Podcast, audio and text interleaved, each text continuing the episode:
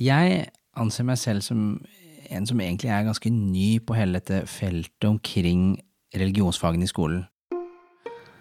Og etter hvert som jeg blir mer og mer kjent med faget og diskusjonene rundt, så slår det meg at det er veldig mange forskjellige ting man kan være opptatt av.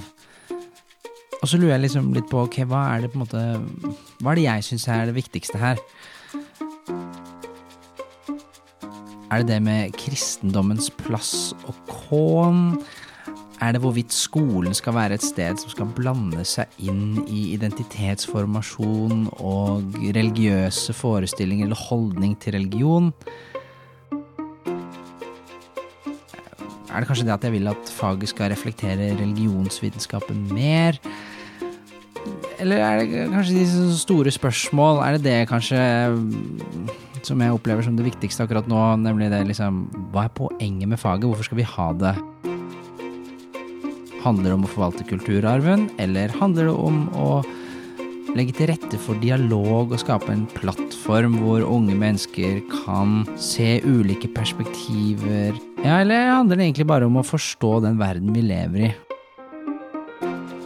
I den derre jungelen da, av ulike temaer, man kan selvfølgelig være opptatt av alle, så er det ett tema som jeg ikke hadde tenkt på før jeg leste et kapittel skrevet av Sissel Undheim i boka Religion i skolen.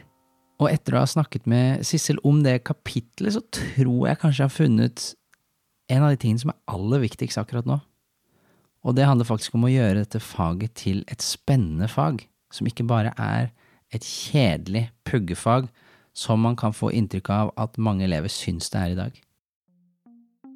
Du hører på KRLE-podden. Mitt navn er Knut Haukland. Det skal handle om eh, skole, religion og kristendom. Jeg mener at ingen skal tvinges til å gå på skolegudstjeneste. Eh, lærerstudentene har av kunnskap om disse evnene. Faget vil inneholde hele 50% kristendom og bare 50 eh, vranglære. Kompetansemålene i faget. Det K-en gjør nå, er at den bare markerer at kristendommen har en særlig historie hos oss. Og det er jo sant. Eh, den K-en kom til for tre og et halvt år siden. Den var ikke der før. Det handler først og fremst ikke om K-en. Eh, RLE-faget har jo en litt brokete historie. Abonnerer de selv på KRLE-podden som lærer? Ja, det er en selvfølgelig ting.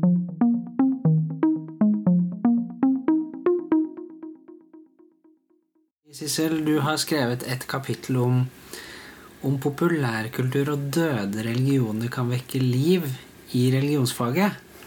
Hva mener du med det? Det som, som, som eh, vi påpeker innledningsvis, eh, så er det jo ikke gjort noen empirisk forskning på religionsfaget.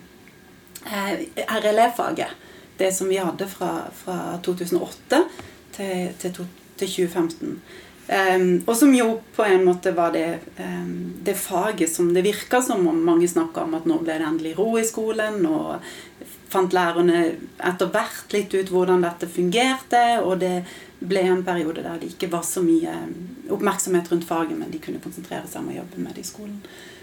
Um, men, men altså fordi det ikke har vært gjort noe særlig forskning, så vet vi veldig lite. og jeg baserer meg litt på det som Trine Anker også skriver i, i andre kapittel, om at um, det er mye som tyder på at elevene syns det faget er litt kjedelig.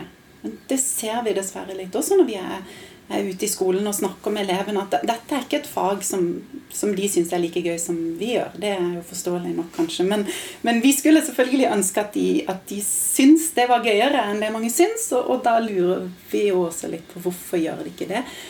Så det var litt utgangspunktet mitt for hele dette kapitlet. var rett og slett At vi hadde en stand på Forskningsdagen i 2014. Der vi møtte masse masse, masse sjetteklassinger fra skolene her i Bergen som kom ned på dette forskningsteltet eh, for å møte orakelet i Delphi, som religionsvitenskap her hadde satt opp. Eh, og det var kjempelang kø av sjetteklassinger. og de lurte veldig på hva dette var. Og det som slo meg etter hvert som jeg snakka med, med, veldig mange av disse, var at de kunne så mye Jeg spurte ja, vet dere hva orakel er. Ja, ja, det kunne de masse om. De fortalte meg opp og ned, og de kunne masse om de greske gudene og alt mulig. Um, og så um, Etter hvert som jeg spurte ja, hvor har dere lært alt dette? Hvorfor kan dere så mye? Vi har lest Percy Jackson. Uh, og da skjønte jeg plutselig at her er det jo en kjempe uh, stor kilde til uh, religionskunnskap og i hvert fall engasjement. Og det å øke læringslyst og læringsglede. Um, så jeg tenkte kan det være en vei å gå inn? Og så har jeg selvfølgelig også eh, tatt utgangspunkt i mye av den senere forskningen som går på eh, religion og populærkultur, religion ny nyreligiositet, religion og medialisering, altså hvordan religion rett og slett fungerer i dagens globaliserte samfunn, og hvilken rolle mediene og populærkultur spiller. Um, og der er det veldig mye interessant forskning som jeg tenker at um, vi kan trekke mer inn i skolen, da.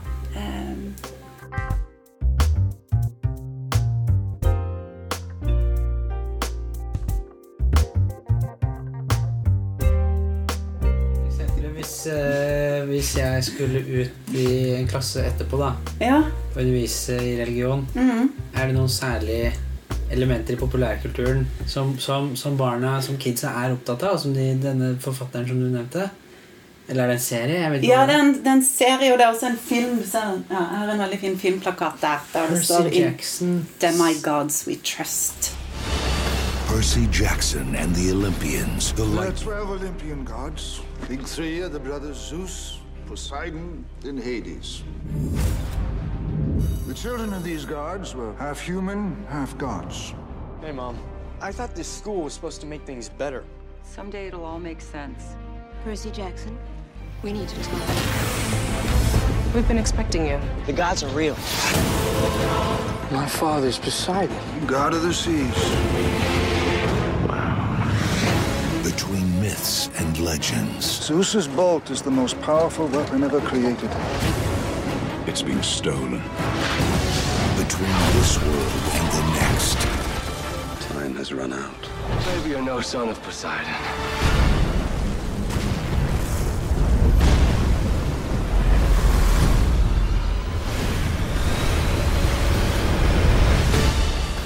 Percy Jackson and the Olympians, The Lightning Thief. The My Gods We Trust. Um, og veldig mange Ja, jeg har eh, vært ute på, på ungdomsskoler. Uh, og, og, veldig mange kjenner igjen den. Altså, det er en referanse som, som, mange har. Ikke på linje med Harry Potter, men ikke langt unna. Um, så Rick Riordan er en, en, veldig kjent forfatter blant ungdomsskoleelever. Så Percy Jackson må man kjenne til i dag hvis du skal undervise religion på ungdomsskolen? I hvert fall hvis du vil snakke litt om gresk og romersk, og kanskje også norrøn mytologi, så, så, vil nok mange erfare at kanskje ikke alle elevene, men at det vil være flere elever i klassen som, som nettopp har sin kunnskap om eh, gresk, romersk og norrøn eh, mytologi gjennom Percy Jackson-serien og de andre bøkene til Rick Riordan. Hvis man skulle trekke inn Harry Potter i religionsundervisningen, kunne ikke det være litt sånn støtende at man skulle sammenligne religion Mm. Med liksom en eventyrfortelling om magi. Er Harry Potter relevant i religionsundervisning? I så fall hvordan? Det, det, kan det være. Jeg vil nok ikke trekke det inn eh, på, eh, blant de aller, aller yngste. Men, men eh, jeg har lest eh, en del, bl.a. i forhold til dette med magi eh, og religionsbegrepet. Hva er religion, hva er magi? Eh, jeg har bl.a. sett et veldig veldig gøy eksempel der man har brukt Harry Potter som utgangspunkt for å snakke om eh, kanonisering av kristne tekster. Hvilke bøker er det som er ekte Harry Potter, og hvilken del av Harry Potter-litteraturen er det som på en måte faller utenfor kanon? Og hvordan er denne kanon danna? Men det blir jo mer som en modell, da. Et, et annet av poengene mine er jo nettopp um, um, jeg har lest en undersøkelse av Helge Årsheim som han gjorde i 2013, der han kartla eh, tilbudet på religionsstudier rundt om på norske institusjoner.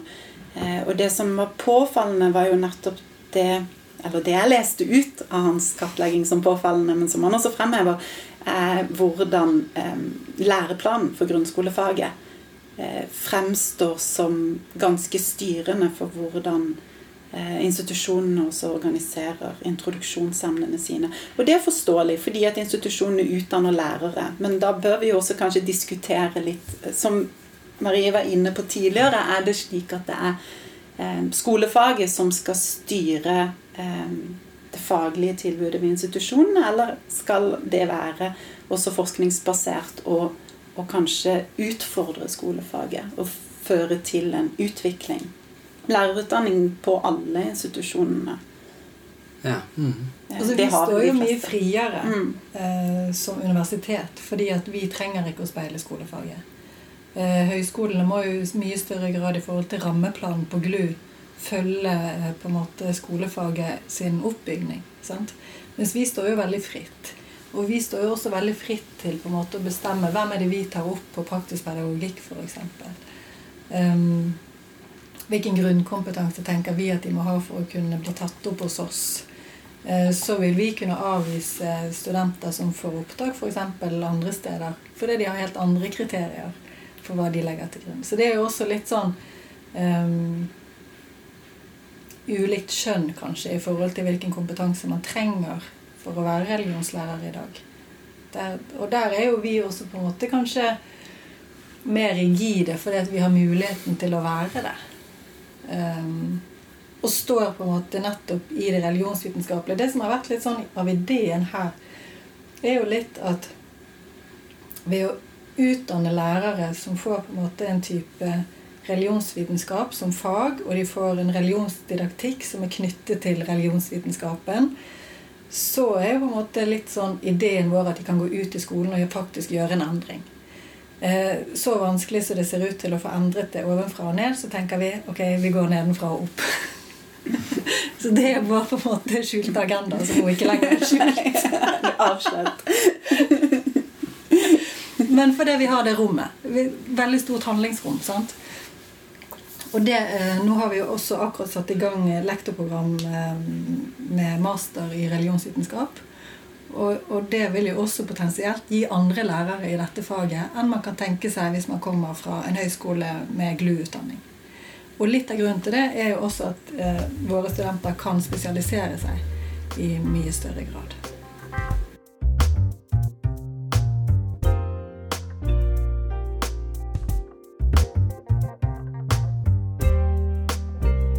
Takk til Marie von der Lippe og Sissel Undheim. Sjekk for all del ut boka 'Religioner i skolen'. Bakgrunnsmusikken som du hører her, er av Lee Rosevere. Denne episoden er sponset av Percy Jackson and the Olympians, The Lightning Thief. Uh, mitt navn er Knut Aukland. Vi snakkes.